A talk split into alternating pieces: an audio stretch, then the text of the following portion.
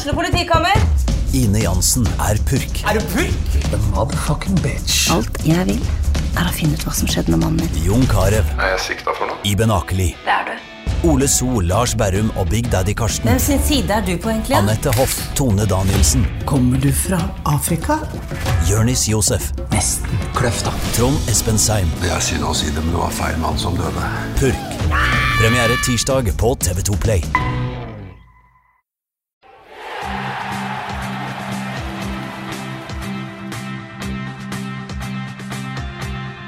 Velkommen, velkommen til en ny episode av Tønsbergs Blads eh, fotballpodkast. Mitt navn er Sven Erik Syrstad, og med meg i studio i dag har jeg lokalfotballguru Arne Lysne. Oh, god dag, god dag. Og lokalfotballkommentator fotballkommentator Orakel Tusen takk. Henrik Ogan.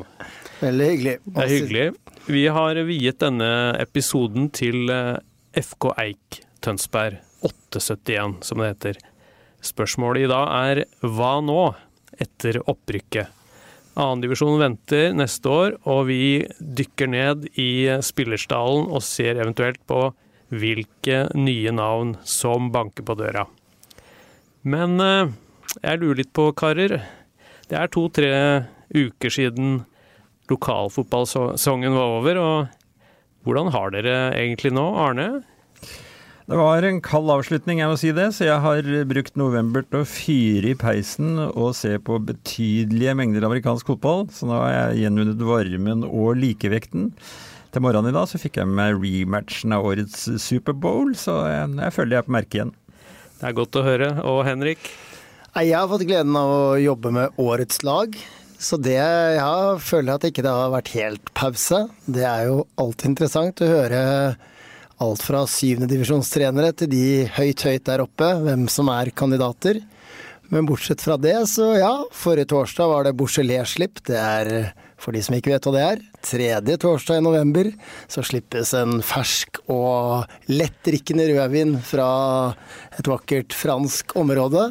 Hvordan var årets utgave? Har du smakt på den, eller har du lagra den? Nei, den må du drikke direkte, den skal ikke lagres. Ikke lagres. Så da var jeg på den lokale vinbaren og kjørte en flight. Det betyr at du smaker alle typer, så, som de har plukka ut. Terningkast. Nei, I vinverden er det jo fra 60 til 100 poeng, så jeg tror vi lander på en 86, ja. Det er en uh, En god eiksesong. En god eiksesong. Nydelig. Vi lærer alltid noe nytt i Tønsbergs Blads fotballpodkast. Tilbake til dagens tema, gutter. Eh, FK Eik Tønsberg rykket opp eh, for noen uker siden. Det ble til slutt et ganske suverent opprykk. Eh, Nå har det vært stille på treningsfeltet, eh, men eh, litt fart på ryktebørsen. Arne, du som har eh, gjerne litt over gjennomsnittet koll på hva som skjer i den klubben. Hvordan eh, er ståa der akkurat nå? Eh, Det er iallfall bedre enn det har vært på tilsvarende tidspunkt de siste sesongene. Da Kjetil kom eh, i januar i fjor, så hadde han vel to spillere på et kontrakt og en fem, seks, åtte til på trening. Han hadde ikke hjelpetrener, han hadde ikke keepertrener, han hadde ingenting. Så nå er det jo iallfall noe som er på stell. De trener fortsatt to ganger i uka, skal gjøre det ut november. og mot slutten av programmet så skal vi name-droppe litt folk, fordi det er nemlig en del spillere som kommer på prøvetreninger nå. Noen spennende navn, noen eh, langskudd. Vi får se hva de byr på, men jeg tror at eh, med treneren på plass, så tror jeg de er eh, bedre i rute. Ja, for eh, treneren på plass, eh, Henrik. eh, Jan Eddie Hansen som hjelpetrener og Kjetil Kristoffersen som hovedtrener. De signerte for to nye år. Hva vil det si for eh, klubben?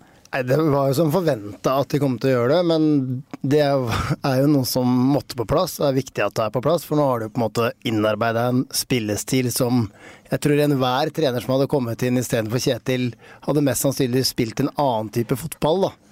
Så det var bare helt nødvendig, men like viktig at Jan Eddi, som i hvert fall det jeg hører, fått veldig mye skryt av spillerne, hvordan han er på feltet. Og det, de har jo sagt det selv også, at de utfyller hverandre godt. Så viktig å få det på plass. Og så er det å få den spillelogistikken, den stallen, videre. Ja. Det er neste etappe. Det er neste punkt for oss òg. Vi tenkte å gå litt gjennom eh, laget, eh, stallen, eh, lagdel for lagdel. Men aller først så har jeg veldig lyst til å ta opp et navn som kanskje er mest rykteomspunnet. Julius Myrbakk. Eh, ikke tilfeldig at det er han eh, de fleste snakker om om dagen, Arne? Nei, Det er jo helt naturlig når du skårer 35 mål. Er, selv om det er på nivå 4, så har du vist at du har kvaliteter. Så er jo spørsmålet da hvordan Julius skal angripe neste og kommende sesonger. fordi i Fram så skåra han ikke mål, og i Lyn så fikk han ikke spille. Så kommer han til Eik i fjor og beviser at han har noe å by på. Og jeg hadde en pra jeg hadde prat med han og intervjua han i fjor høst, og da sa, jeg at, da sa han at han hadde ambisjonen om å skåre 25 mål i år. Og da sa jeg at ja, hvis du skårer 25 mål, så rykker enten Eik opp, eller så rykker du opp til en ny klubb på et høyere nivå. Nå rykka begge opp, da. Både Eik og Julius. Og da kan han jo spørre seg ja, skal, skal han vise at han tar neste nivå med Eik, eller skal han gå til en ny klubb og etablere seg på nytt igjen?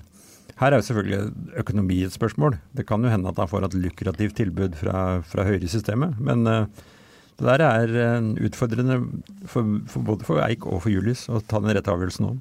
Ja, Det er vel eh, tvilsomt at han eh, skriver under for noen klubb nå umiddelbart, men eh, han har jo muligheter til å, å sitte og vente litt. Ja, sånn som det har vært de siste åra, så har jo, er det mange staller som ikke setter seg før ut i februar, faktisk. Så jeg tror at han kommer til å avvente og se hva Eik kan by på, både sportslig og økonomisk. Det er ikke noe tvil om at han trives i Eik. Har en trener som stoler 100% på han, og satser på han. Så han har, så altså, han også- han har en god sits akkurat nå. Så må man jo også se i tilfelle de klubbene som kommer på banen, da, så kommer det jo helt an på hvordan de spiller der framme. Spiller de med to, spiller de med tre, spiller de med en enslig? Jf. Sandefjord, som var aktuell, eller som var nevnt som at de hadde den under oppsyn. Ja, selv om han liker å vandre litt ut mot venstre, så tror jeg han er avhengig Han bør være med to, er min mening. Ja, det tror jeg også. Tror han funker bedre der. Det er nok ikke det siste vi har eh, hørt eh, om Julius eh, Myrbakk i, i løpet av denne vinteren. Men for å gå litt gjennom laget, karer. Vi begynner bakerst, da. Keeperplassen. Den var veldig enkel eh, løsning for, for Kjetil. Det var én mann som sto der i samtlige minutter, vel? Ja, 100% spilletid. Så etter at eh, Alf Lukas Grønneberg fikk tilbudet og gikk til Sandefjord, så var det jo ikke noe tvil. Da hadde jo ikke Kjetil noen utfordrer. De hadde en ung juniorkeeper som de for så vidt stolte på, men de signerte jo eh, veteranen Ismat Duracak rett før seriestart for å ha han i bakhånd i tilfelle en skadesituasjon. Og han var jo i troppen på slutten, i de alvorlige i, i toppoppgjøra. Så, så Tobias har stått hele sesongen. Tobias har eh, levert en sterk sesong. Veldig lite å gjøre. Veldig mye eh, konsentrasjonsprøver, egentlig. Og de ender opp med å slippe inn 13 mål, og det er klart han skal jo ha noe æren for det. Mens hans rolle blir jo totalt annerledes neste sesong, ikke sant. Da blir jo han som skal være matchvinneren eh, bak der. Så er jo spørsmålet da om Kristoffersen skal ta en Mikkel Arteta og hente en reell, reell utfordrer, eller om han skal ha en eh, ung up and coming.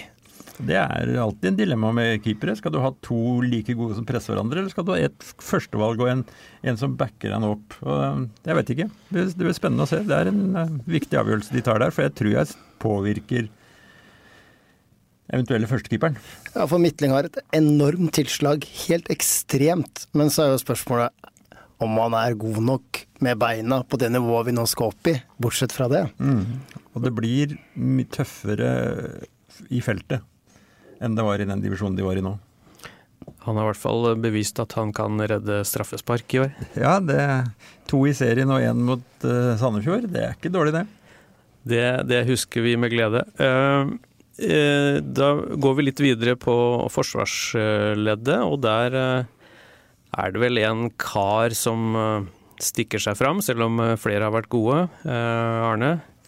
Ja, nei, jeg tenker jo det er, det er sånn du rykker opp, og så tenk, skal alle snakke om og at laget skal forsterkes. Men kanskje noe av det viktigste er jo å resignere nøkkelspillerne, så at du slipper å erstatte før du kan begynne å forsterke.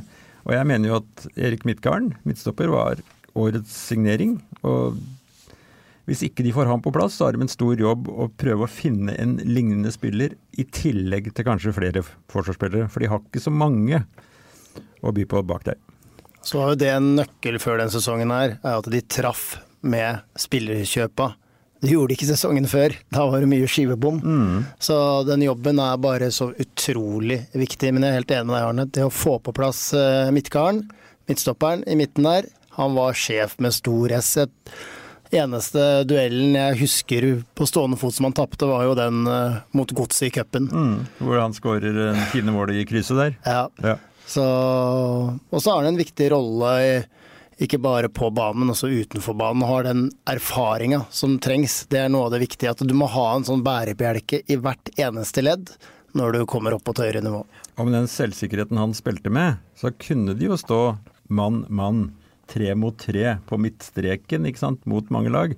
Nå skal det opp en divisjon, og si at de skal spille 3-3 bak der fortsatt, mot bedre motspillere. Da må de enten utvikle seg de som er der, eller så må de forsterkes. Eh, Men eh, Midtgarden var ikke aleine om å ha en god eh, sesong av forsvarsspillerne. Marius Rygel han hadde jo en eksepsjonelt god sesong, særlig offensivt. Han er jo soleklart best mot lag de dominerer mot, da. Han er best offensivt, og det viser jo målpenga, både assist og Så Anders Nygaard, eh, Nygaard karakteriserte han jo som en kantspiller fremfor en back. Mm. for han er jo hakket mer offensivt i sin høyre wingbacksposisjon enn Scott Woods var i den venstre. Så han er jo et angrepsvåpen av dimensjoner. Jeg er overbevist om at han kommer til å ta nivået. Jeg òg, og jeg tenker at sånn som de spilte, da, ved at de klarte å presse hele laget, forsvarstreeren, eller midtstopperne, de tre midtstopperne høyre, så kom Marius mye høyere i banen enn han gjorde sesongen før. Og da er, han er god innafor 16-meteren, dukker opp, flink til å være på rett sted til rett tid. Men jeg tenkte vi kunne nevne de, de to som spilte ved siden av Erik også. For jeg tror vel at uh, Vemund Skar Roberg hadde vel sin beste sesong på noe nivå. Og Harald Danielsen gjorde en veldig god innsats som venstre midtstopper. Det har han vel aldri spilt før. Han har jo vært venstre bekk og venstre kant. Og så kan du jo si at uh, Harald var jo, han var jo viktig oppspillspunkt når Eik kjørte Flo-pasningen. Hans lange cross fra venstre til Thomas Nygaard til, til Marius Rygel var jo et trekk som ja, Du blir nesten forundra over at ikke motstanderne tar noe grep for å stoppe det, for de visste jo at det kom. Så da er Harald Danielsen døpt til Stig Inge Bjørneby, er, er, det det vi, er det det vi sier? Men, men, Det er en lett lokal variant. men hvis vi skal på en måte nøle litt mer da, med den treeren bak og wingbacker, så er det jo rommet som oppstår bak dem som er litt utfordringa. Da er i hvert fall jeg opptatt av at da må det være fart i det bakre leddet. Og i hvert fall hos wingbackene, det er det jo på Rygelsens side. Woods er en litt annen type. Eh, Roberg er ekstremt god i lufta. Danielsen litt mer eh, løs kanon i den form at han kan ruse litt mye. Litt mye sånne 50-50-dueller. Så ja, jeg, de trenger litt mer bredde bak der. Det er jeg helt sikker på. Og det er klart, når du skal Når du rykker opp et nivå, da, så er jo alltid utfordringa for trenerteamet å finne ut hvem tror vi tar nivået, og hvem tror vi må erstattes. Og det er ganske vanskelig å, å vite sånn seks måneder før. Ja, klarer den spilleren å tilvenne seg en ny virkelighet, eller er han faktisk Nå har han spilt på sitt høyeste nivå, så han må vi si ha det til. Men så så vi kampene mot Sandefjord og Godset hvor de virkelig fikk prøvd seg, da. Da var jo den eh, femmeren bak der eh, meget, meget habile. Selvfølgelig er det enkeltkamper, og du har adrenalinet, du presterer 10% bedre. Men eh, ja, jeg er litt spent på hvem typer. Jeg mener også at Harald kan, som Arne sa, han kan bekle den venstre vingbekken med glans. Så det er litt det å ha forskjellige typer i forskjellige posisjoner etter ulike kampbilder. Når vi er inne på den posisjonen, så ja, Woods eh, Vi har snakka litt om han i kulissene her før sending. Med, En litt sånn unsung hero, eller? Ja, det var iallfall en signering som gikk under radaren. Det var ikke så mange som plukka opp. Det var liksom ja, Julius kom tilbake på sommeren, og Thomas Nygaard og Benjamin Hellum Andersen, og det var liksom Erik Midtgarden. Ja, her var det mye spennende på gang. Altså, Scott Woods, jo, han leverer jo assist på assist fra corner og frispark. Skårer et par mål. Spiller over 90% av spilletida. Gjør en ærlig, herlig defensiv og offensiv jobb hver eneste kamp. Og hvis jeg, hvis jeg, har forstått det riktig, så skulle han egentlig bare spille på våren. Fordi han studerer og jobber i Oslo, tror jeg. Og så tror jeg, tror jeg han syntes det var så gøy at han ble med hele veien inn. Men han bor i Oslo nå, så vi får se om da hva neste år bringer. Ja, det er mange som pendler. Ja, ikke sant. det er bare å fylle bilen. Ja, det er vel to, tror jeg, i, på, i stallen. Han og Rygel bor i Oslo. Og så er det Midtgarden og Stian Sem Osmundsen, som bor i Drammensområdet. Ellers er de fleste lokale. Det har vært mer og med mye mer treningspendling i Tønsberg tidligere. Og det er ikke sikkert at det er så dumt å redusere. Men har du tall, Arne, på hvor mange dødballer Eik har skåret på? Nei, Jeg stoppa vel, men jeg tror de har Jeg mener at jeg telte den over 25 direkte. Og så var de langt over 30 når de kalte det indirekte, da. Neste innlegg. Så hvor de gjenvant ballen. Så det er jo helt ekstremt. Det er jo, ja, det er jo tall som gjør Drillo våt i buksa, hvis det, hvis det, er lov å si. Det er lov å si på vår podkast. okay. uh, og jeg må jo si Vemund Roberg uh, på første stolpe der på cornerne. Uh, han fikk jo en ny vår der. Ja, fantastisk. Han flikka videre, han. Men han, han er en spiller jeg egentlig ser for meg kan ta nivåene hele veien. Altså Alle lag har jo Se på Luton, da. Alle som har, spilt, som har spilt fra femte opp, liksom. Mm. Er Vemund Skar Roberg den lokale Han er vel født i Flintland, er han ikke det? Jo. Selv om faren har uh, tatovert eik på brystet, så Begynte i Slagen. Barnefotball, ungdomsfotball i Flint. A-lagsfotball i Flint òg, før han kom til FK og bro, broren hans står jo på indre bane med um, Vaktbind, og far, ja. far, står og passer på. Og han leverer eh, bestillinger eh, når jeg skal ha mine raider opp i kommentatorboksen, så Robert-familien de har en stor plass. De leverer i, både på og utenfor banen. Helt absolutt. riktig. Absolutt. Eh, når vi er inne på litt familiekonstellasjoner, det er jo et brødrepar på midtbanen der som vi må kanskje innom? Brødrene Nygård. Jeg hadde et langt intervju med dem før seriestart, og de var altså helt overbevist om at de kom til å rykke opp. Og det må jeg si, de fikk jo rett. Eh, Anders Nygård, dyp rolle på midtbanen. I fjor så spilte han jo mye rart, bl.a. spiss. Året var han tilbake der han trives aller best, pluss at jeg tror han har tatt grep både trenings- og kostholdsmessig, fordi jeg har aldri sett han i så god form. Han løp masse og gjorde en kjempejobb, veldig viktig som en lås foran de tre midtstopperne. Thomas, litt annerledes eh, spiller. Eh, mer målfarlig. God inne i boksen, god på huet. En eh, duellspiller, men begge to var veldig nyttig på en veldig sterk midtbane, vil jeg si. På, i, på nivå fire.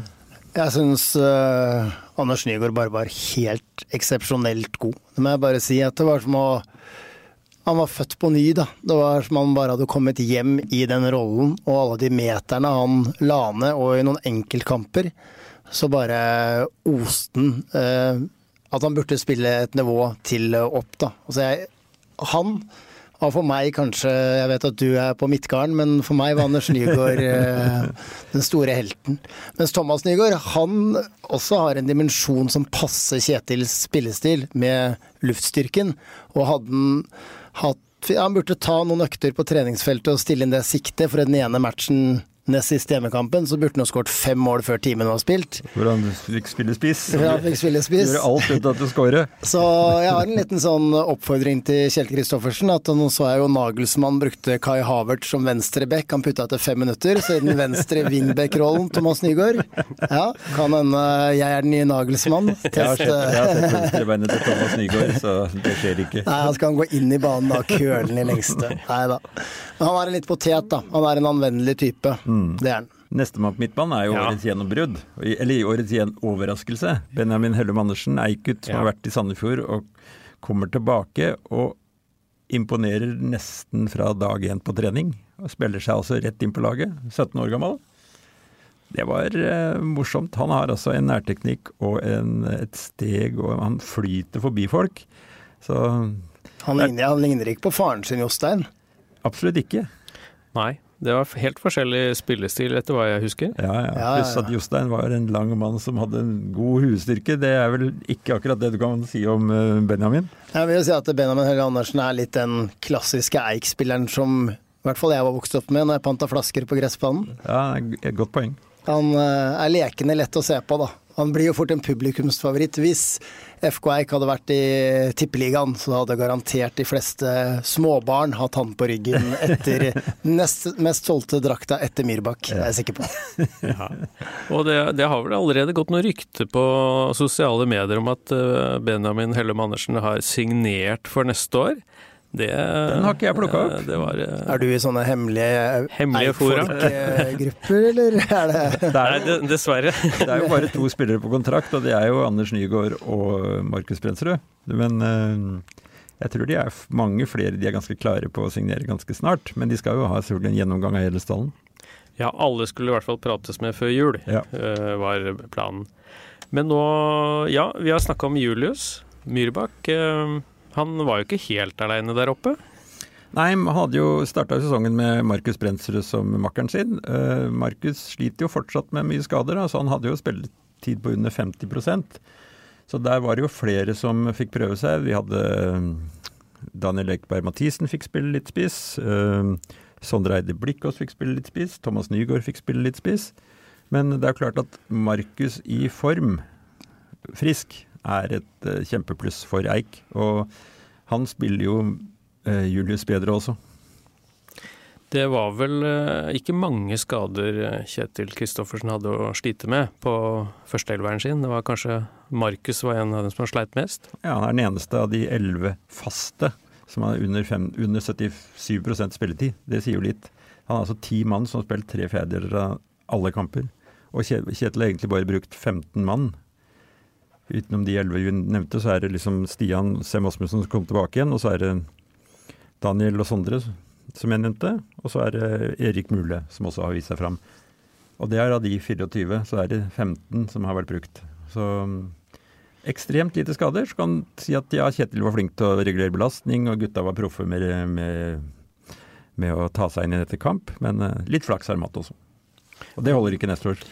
Nei, det er derfor, hvis de hadde fått flere skader og den tynne bredden de hadde i stallen, så ja, det kunne vært Porsche som hadde sittet ved middagsbordet i divisjonen over neste sesong. Ja. Jeg har jo snakka med flere De har jo fem-seks mann vel i den stallen i år som har spilt på høyere nivå enn de er en en tredjedivisjon. Og jeg snakka med flere av dem, og alle tror at de ville klart seg i andredivisjon med det laget de hadde i år. Forutsatt at ikke de fikk flere skader. Ja, det er jeg også ganske, ganske sikker på. Så er jo spørsmålet, da. Er Lyn rykket opp? Nå slo de Tromsdalen over to kamper, nå venter vel Hødd. Etter de tapte på målforskjell mot Egersund. Etter, Ett mål. Ja, da hadde vel Vålerenga 2 lagt seg, var det i matchen før, eller siste matchen? Ja. Så ja, det, det er jo spørsmålet hvis de riktige forsterkningene kommer, kan man på en måte skal ikke sitte her og hause at de skal komme topp tre, men uh, muligheten er der. Jeg, jeg må jo dra min gamle Newcastle-historie. Kevin Keegan ble manager på Newcastle tidlig på 90-tallet. Redda dem fra å rykke ned på, i nivå tre. Og året etter så går de opp i Premier League. Og da får han spørsmålet fra engelske journalister ja, nå skal dere vel konsolidere stillingen. Da tenner han på alle plugger og sier hva, vi rykker jo ikke opp for å konsolidere noe selv, vi rykker opp for å vinne. Og Newcastle er da altså, går da fra nesten nivå tre til å bli utfordrer til Premier League-tittelen på to sesonger. kan hende at Eik må ta et hvileskjær, men Kjetil tenker også det samme. Det er jo ikke noen grunn til å etablere 871 som en toppsatsing for å etablere seg andredivisjon. Ja, men Det har han jo svart også, når Ja, han har fått spørsmål om er det nå å holde seg som er målet. Og da responderer han jo på likedan vis. Altså, vi spiller jo for å vinne. Og det er en innstilling og en kultur man må prente inn. Og der er han helt på linje med Julius Myrbakk, som jeg intervjuet forrige uke. Eh, For han sa det er to ting som er veldig viktig for meg hvis jeg skal fortsette, og det er at eh, trenerduoen fortsetter. Og det gjorde de noen dager etterpå, signerte de. Og så var det nummer to at vi må gå for opprykk. Vi må gå all in. Sånn som Lyn har gjort, da, som han sa. Men burde noen sånne lokale bedrifter nå melde seg på? Altså, det var jo, jeg husker ikke navnet, var en for Fløy da han ble signert for en balje med reker. Altså, hva er det Julius Myhrberg craver etter? da? Det er sikkert noe sånn smågodt. Så er ikke Stenmalkiosken lenger, men normal, da. Normal, da. ja men det, vi må få noen på banen, da. Det må være litt kreativitet. Så vi får se. det blir spennende å følge ryktebørsen og overgangsvinduet her. Ryktebørsen har jo begynt å gå. Benjamin Stokke han nærmest eh, solgte seg inn til Eik, eller? Hva, hva ja, at tenker han har kjøpt hus, om det er faren som har kjøpt hus, eller ja. Han er jo, han er jo Eik-gutt i hjertet sitt, og det har han aldri lagt skjul på. At han vil, eh, vil tilbake til Tønsberg og spille for Eik før han eh, legger opp. Han er 33 år nå. Toppskårer i eh, førstedivisjon. Eh, det er sterkt. Og han sa i intervjuet at han eh, føler seg veldig pigg i kroppen. Han har ikke hatt noen sånne store, alvorlige skader. Slo gjennom ganske seint. Så han så for seg at han kunne bidra flere år, og om det blir på høyere nivå, eller om han tar en eh, liten eh, svanesang i, i eik, det, det får så være. Men han er i hvert fall sugen på det. Eh, Og hvorvidt eik har mulighet til å hente nå, det, det får for vi det er, jo, det er jo på mange måter det store elefanten i rommet her. Eik omsatte for 4,3 millioner i 2022 på 871-delen, toppsatsinga, og det er jo ikke rare summen når snittet på ligger langt over tosifra millioner i den divisjonen. Så har de økonomiske muskler til å hente spillere i det hele tatt, eller er det sånn at man må finne, leite fram folk som har lyst til å flytte hjem, eller noen som har karriere som har kommet litt skeivt, som de kan få i fart igjen, eller kan de finne noen unggutter? Så her tror jeg Kjetil er veldig opptatt av at de skal være både lure og smarte. og det er jo, De skal jo finne forsterkninger og samtidig ikke bruke for mye penger, eller snu garderoben på huet. Så de har jo de har, de har en jobb, de to gutta, i vinter. Ja, det er en balanse der, altså. Hva de, ja, hva de er på jak eh, jakt etter, og litt som du nevnte med Benjamin Stokke, er at eh, han, det har jo vært sagt at de er på jakt etter en stor og sterk spiss. For de trenger et oppspillspunkt, måten de spiller på, for å kunne ha litt andre angrepsvarianter. For uh, går den litt i stå, den langpasningen fra Danielsen til Nygaard til Ryger, altså den blir litt sånn Laga vil være bedre forberedt, så må du ha en litt plan B, da. Det å ha en vi gikk vel gjennom her før sending at eh, i den angrepsrekka så er det fart, fart, fart. Ikke bare de to, men alle de to, tre, fire bak der også. Fart og innsats, men Ja. ikke fysisk Altså, du, tilstedeværelse. du trenger liksom. en som du kan få flytta laget høyere opp når du blir pressa bakover. Det er helt essensielt. Så at de må hente en uh, tankspiss, det er jeg ikke i tvil om. Mener dere at Benjamin Stokke kunne passe inn i, i laget til Kjetil Kristoffersen? At det er jo en drømmesignering. Ja, er du gæren. Det hadde jo vært helt topp. I tillegg til da tilknytningen han har til både Eik og Tønsberg, så ville det vært helmaks. Ja, da hører eh, Kjetil det. Men Det er, det er julegaven denne podkasten vi, vi, har jo, ja, vi har flere navn på lista. Noen, eh, noen navn vi kjenner fra før av, Arne? Ja, jeg, jeg tenkte jo liksom Det er jo i Ørn har det spilt to Flint-gutter i høst. Henrik eh, Selebakke Falkener, eller han har jo spilt der hele sesongen som midtstopper, og Volley Njay som ble lånt ut fra Sandefjord. Eh, jeg veit at eh, Falkener har jo Eik selvfølgelig sett på og sett er veldig god, men det har også klubber i Obos, så vidt jeg skjønner. Så hvis han går fra Ørn, så tror jeg ikke han kommer hjem til Tønsberg. Eh, Volley er jo litt mer en sånn eh, dark horse her, fordi at Kjetil var interessert i han i fjor sommer, før han gikk til Sandefjord. Eh, Så har det stoppa opp for han i Sandefjord. Lite spilletid på utlån i Ørn. Så spørsmålet er at Kjetil tror liksom at han hadde passa fint i den måten de spiller på. da. Er han aktuell for Eik, eller skal han liksom restarte karrieren sin i Flint? Det kan jo være aktuelt nå etter Flints opprykk. De to er jo, kun, kunne vært noe. Så har vi jo en eh, gammel Teie-gutt som er reservekeeper i Brann. Eirik Holmen Johansen. Kunne det vært noe som var aktuelt for Tønsberg? Du vet ikke. Spennende. Han, eh, jeg tror både han og kjæresten har lyst til å komme til Østlandet. Så får vi se. Jeg tror den toppetasjeleiligheten på Solvang terrasse er ledig. Ser du ned på banen der. Ja, eh, men Sandefjord fotball, det ser jo ut som de klarer seg nå i Eliteserien. Ja, det er i hvert fall 70% sjanse. Ja, er det noen der uh, som kunne vært aktuelle, tenker dere? Det er vanskelig å si. Jeg vil jo tro også at de ligger på et lønnsnivå som er over det Eik kan konkurrere med. De er proffspillere. På Helt i Eik er jo ikke der ennå. Så det ville overraska meg. Og jeg veit ikke om det er noen av ungguttene som ennå tenker at de skal kall det uh, gi seg i Sandefjord og heller vende tilbake til Tønsberg. Så men, men er det en fordel om Sett med Eik sine øyne, da, Tønsberg-fotballen. Er det en fordel at Sandefjord holder seg, eller at de rykker ned, med tanke på spillerne? Det er et godt spørsmål. Jeg tenker jo at uh, hvis Sandefjord rykka ned, så ville det vært mer aktuelt for enkelte på reservenivå å spille for Eik enn å spille for uh, Sandefjord 2 og ikke spille i divisjonen på A-laget Ja, der. den, den ser jeg. Men uh, om det er en fordel for Eik og Vestfold-fotballen, det er, jeg, syns jeg er vanskelig å si. Jeg tror det er en fordel at Vestfold-fotballen etablerer sine egne trappetrinn gjennom egen suksess, ikke at uh, Sandefjord mislykkes. Har du flere navn på lista, Arne? Det som er litt interessant, er at denne uka så er det faktisk den de første treningene med spillere på prøve, som er på trening. Og der er det faktisk ganske mange navn. Så kan du jo høre Noen av dem har folk hørt før, andre er helt ukjente. Den mest kjente av dem, da. Christer Reppeskår Hansen. Han er altså 30, blir 31 før neste sesong. Han er midtstopper som har nesten 200 kamper for Sandefjord. Han gikk seinere til Ulf Sandnes, og så spilte han litt i Arendal, før han endte opp i Halsen i år, hvor han bare fikk fire kamper pga. skadeproblemer. Så det er jo en sånn en Ja, kan han bli frisk igjen? Kan han bli som Midtgarden at han tenker et siste eventyr har jeg lyst til å være med på? Veit ikke. Så da, Halsen rykka jo ned også i siste time, gjorde de ikke det? Jo. Jo. Derfor kommer det to mann til fra Halsen på trening. Mm. Justin Knutson, keeper. Eh, Høyreist, eh, høyvokst, 22 år gammel. Vært i Sarpsborg og Sprint Jeløy. Han overtok plassen i Halsen i år, tror jeg. Og så kommer Jørgen Sandnes, en unggutt som har eh, opprinnelig fra Nanset, som har vært i systemet i Sandefjord fotball, som kan spille venstre stopper, venstre wingback. Det er tre av de som skal trene.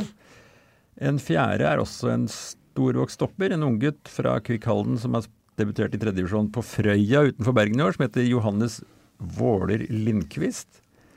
Så kommer en, enda en storvokst spiller, en spiss fra Lørenskog. 16 mål på 26 kamper i tredjedivisjon i år. Vuk Fay Frikk. Og den siste, da. En lokal inn fra sidelinja. Litt morsomt. Lars Magnus Takvam. Åsgårdstrand, 26 år, var junior i FK Tønsberg for 89 år siden. Har tatt utdannelse i nordpå i Hammerfest, og vært med å spille faktisk for Hammerfest i tredje divisjon. Det ble elleve tap på elleve kamper. Han, han forsvant heldigvis før de tosifra tapene kom. Da var han hjemme igjen i Vestfold. Det er, også, det er sånn eh, wildcard, vil jeg si. Så Så her han, er fikk, han fikk vel rødt kort mot Flint, Han eh, starter med suspensjon, så det, akkurat det er jo ikke noe særlig. men han har jo en enorm hurtighet og fysikk. Litt uh, annerledes type. Ja, han gikk all in der. En de tror kan Ja, han gikk all in En de tror kan passe inn i spillestilen. Og det er jo ganske tydelig ut fra det, bare de her navnene her, da. Ser etter forsvarsspillere, og ser etter andre type angrepsspillere enn det de har. Midtbanen har jo ganske godt beslått, sånn som det har vært i år. Iallfall med en fem, seks, sju mann. Og vi har jo hoppa over én på midtbanen. Guttelandslagskapteinen, G15-kaptein, uh, unge Holsæter Karlsen. Philip, han har jo ikke spilt mye, og hovedgrunnen til det er vel at Kjetil jeg vet ikke om han syns det er vanskelig å satse på den i og med at han er borte på landslagsoppdrag og treningsopphold i utlandet i lange perioder. Jeg vet ikke Henrik, hvordan, hvordan skal man angripe Ja, sånn, man angripe ja, et sånt sånn? talent, liksom? Jeg syns jo når han har kommet inn at han har vært veldig på og toneangivende. Det er litt sånn fort gjort å stå med lua i handa. Det var vel en av de første matchene. Kom han aleine mot keeper og prøvde å kippe inn. Keeperen eh, gjorde egentlig en god prestasjon. Avslutninga var helt korrekt etter boka, den. Så var det vel i den siste matchen han spilte, så tror jeg han hadde fire-fem avslutninger. Ikke så feite som Thomas Nygaard som burde putta, men han, jeg syns han har sett ut som mer sånn i den offensive delen av spillet. Da, så har han en fantastisk pasningsfot. Uh, men det er litt sånn Kjetil må jo ta valg å inn enda flere innhopp, men han er en av de jeg har kritisert Kjetil for å gi folk for lite spilletid. Så har han i hvert fall ofte gitt han kvarter, en halv omgang, og da får du i hvert fall følelsen av nivået. Men de har jo en gullkalv der, da. Men så er det jo far Kent Agent. Han eh, har jo sin plan for hvordan eh, veien videre skal, skal være. Men eh, at han, han må jo etter hvert Nå kommer han jo opp på et nivå hvor det virkelig smaker litt fugl, da. Så eh, van, vanskelig å si med tanke på alle de periodene han er borte, da. Men at uh, Eik har noe unikt der, det er det ingen tvil om. Så er det jo et midtbanenavn til vi egentlig hoppa litt over. Erik Mule? Nei, ja, han nevnte jo, han har, han har jo vist fram at han har noe, jeg. Men Stian Sem Osmundsen kom jo tilbake i, fjor som, eller i sommer. For som han sa, han ville være med på å bidra til et opprykk. Det gjorde han jo. Viste jo fram gullfoten. Og 1.11 ble han pappa til Even. Visstnok har kjøpt seg hus i Vestfossen også.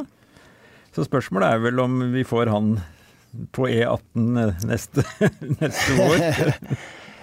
Men tror du ikke han er Ja, han ser hvor dårlig det går med United, så vil han kanskje at det skal gå bedre for Eik. Syns det var ufint å rippe opp i det, Henrik, men Absolutt på sin plass. jeg tenker på hvis eh, Midtgarden fortsetter, så fortsetter vel Stian nå? Kjører ikke de ofte sammen? Jo, de tror jeg er gode venner og, og selvfølgelig har noe å hente der. Så det er klart at han hadde vært en flott spiller å ha med videre. Det er ikke noe tvil om det, men det er jo- ville jo ikke vært rart hvis han takka for seg nå. Det syns jeg ikke. Gi seg på topp? Ja. Du avslutter med stil, ja, men noe av nøkkelen til denne Eik-troppen har vært garderobekulturen. da, Og for de som kanskje ikke er så bevandra i det, så er jo hvis du spør alle fotballspillere når de legger opp, hva er det du savner mest, så er det ikke de 90 minuttene du spiller uke inn og uke ut. Det er de 90 minuttene før og etter kampen med den kulturen og kompisen og alt som er rundt en match. da. Det er det som betyr mest. Så hvis det savnet blir litt for stort eh, kontra det bleieskiftet, så tror jeg kanskje han vil snike seg av gårde til noen økter her og der. Ja, og akkurat det miljøet, det var noe faktisk Jan Eddie Hansen fortalte meg veldig mye om nå. Forrige gang jeg prata med han, at det var Han har vært i mange klubber og i mange garderober, men han sa jeg aldri vært med på maken til harmonisk og, og flott gjeng, sa han. Eh, Så det betydde veldig mye for eh, både han og for, eh, for tror jeg, gruppa, og det at de presterer sammen på banen. Erik Midtgarden har jo nesten vært i et tosifra antall fotballklubber, og han var ganske tidlig ute med å si at han nesten ikke opplevde maken til et hyggelig og imøtekommende sted som på Eik-garderoben. Og det var det mange som på Eik som ordentlig slo seg på skuldra og var glad for å høre, altså. For det var de veldig stolte av. Så får vi håpe at det gode miljøet fortsetter, selv om det blir noen eh, tap og litt motgang. For det er jo alltid mye lettere å ha god stemning når man vinner.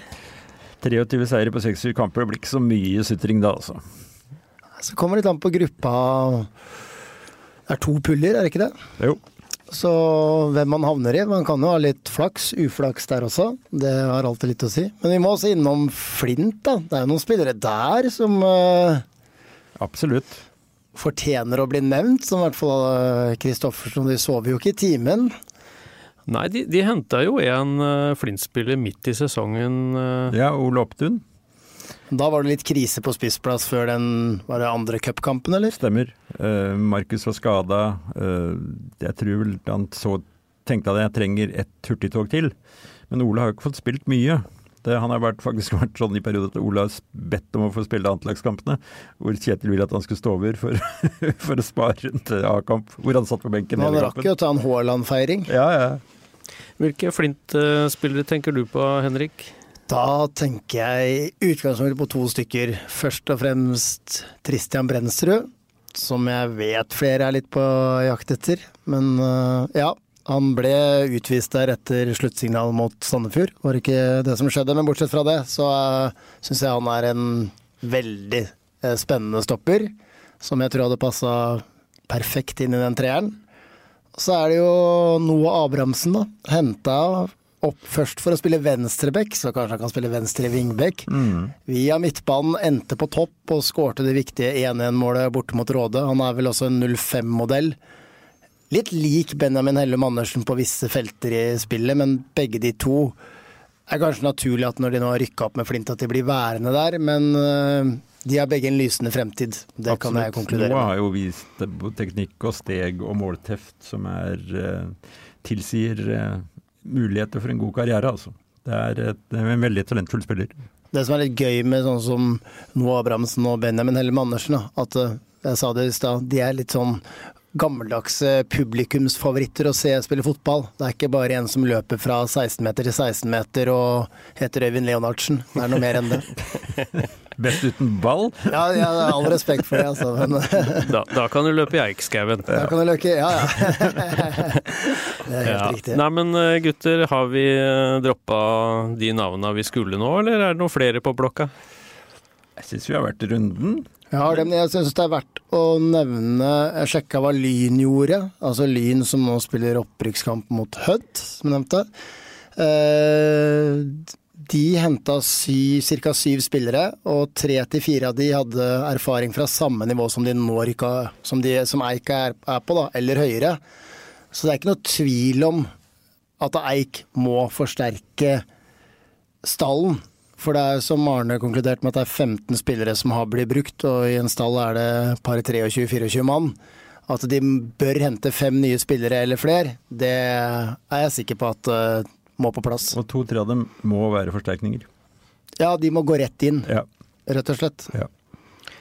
Yes, eh, skal vi si det sånn? Eh, Vi har i hvert fall sparka opp ballen og starta spekulasjonene i silly season. Det er deilig det, gutter. Veldig. Vi lover at fotballpodkasten dukker opp med jevne mellomrom eh, i løpet av vinteren. Så sier vi bare takk for nå. Vi høres. Du har hørt TB Fotball, en podkast fra Tønsbergs Blad.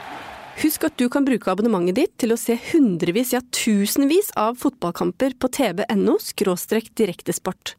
Denne episoden er produsert av Marie Olaussen og Sven Erik Syrstad. Vår ansvarlige redaktør er Sigmund Kydland, og velkommen tilbake i neste episode. Har du et enkeltpersonforetak eller en liten bedrift? Da er du sikkert lei av å høre meg snakke om hvor enkelt det er med kvitteringer og bilag i fiken, så vi eh, gir oss her, vi.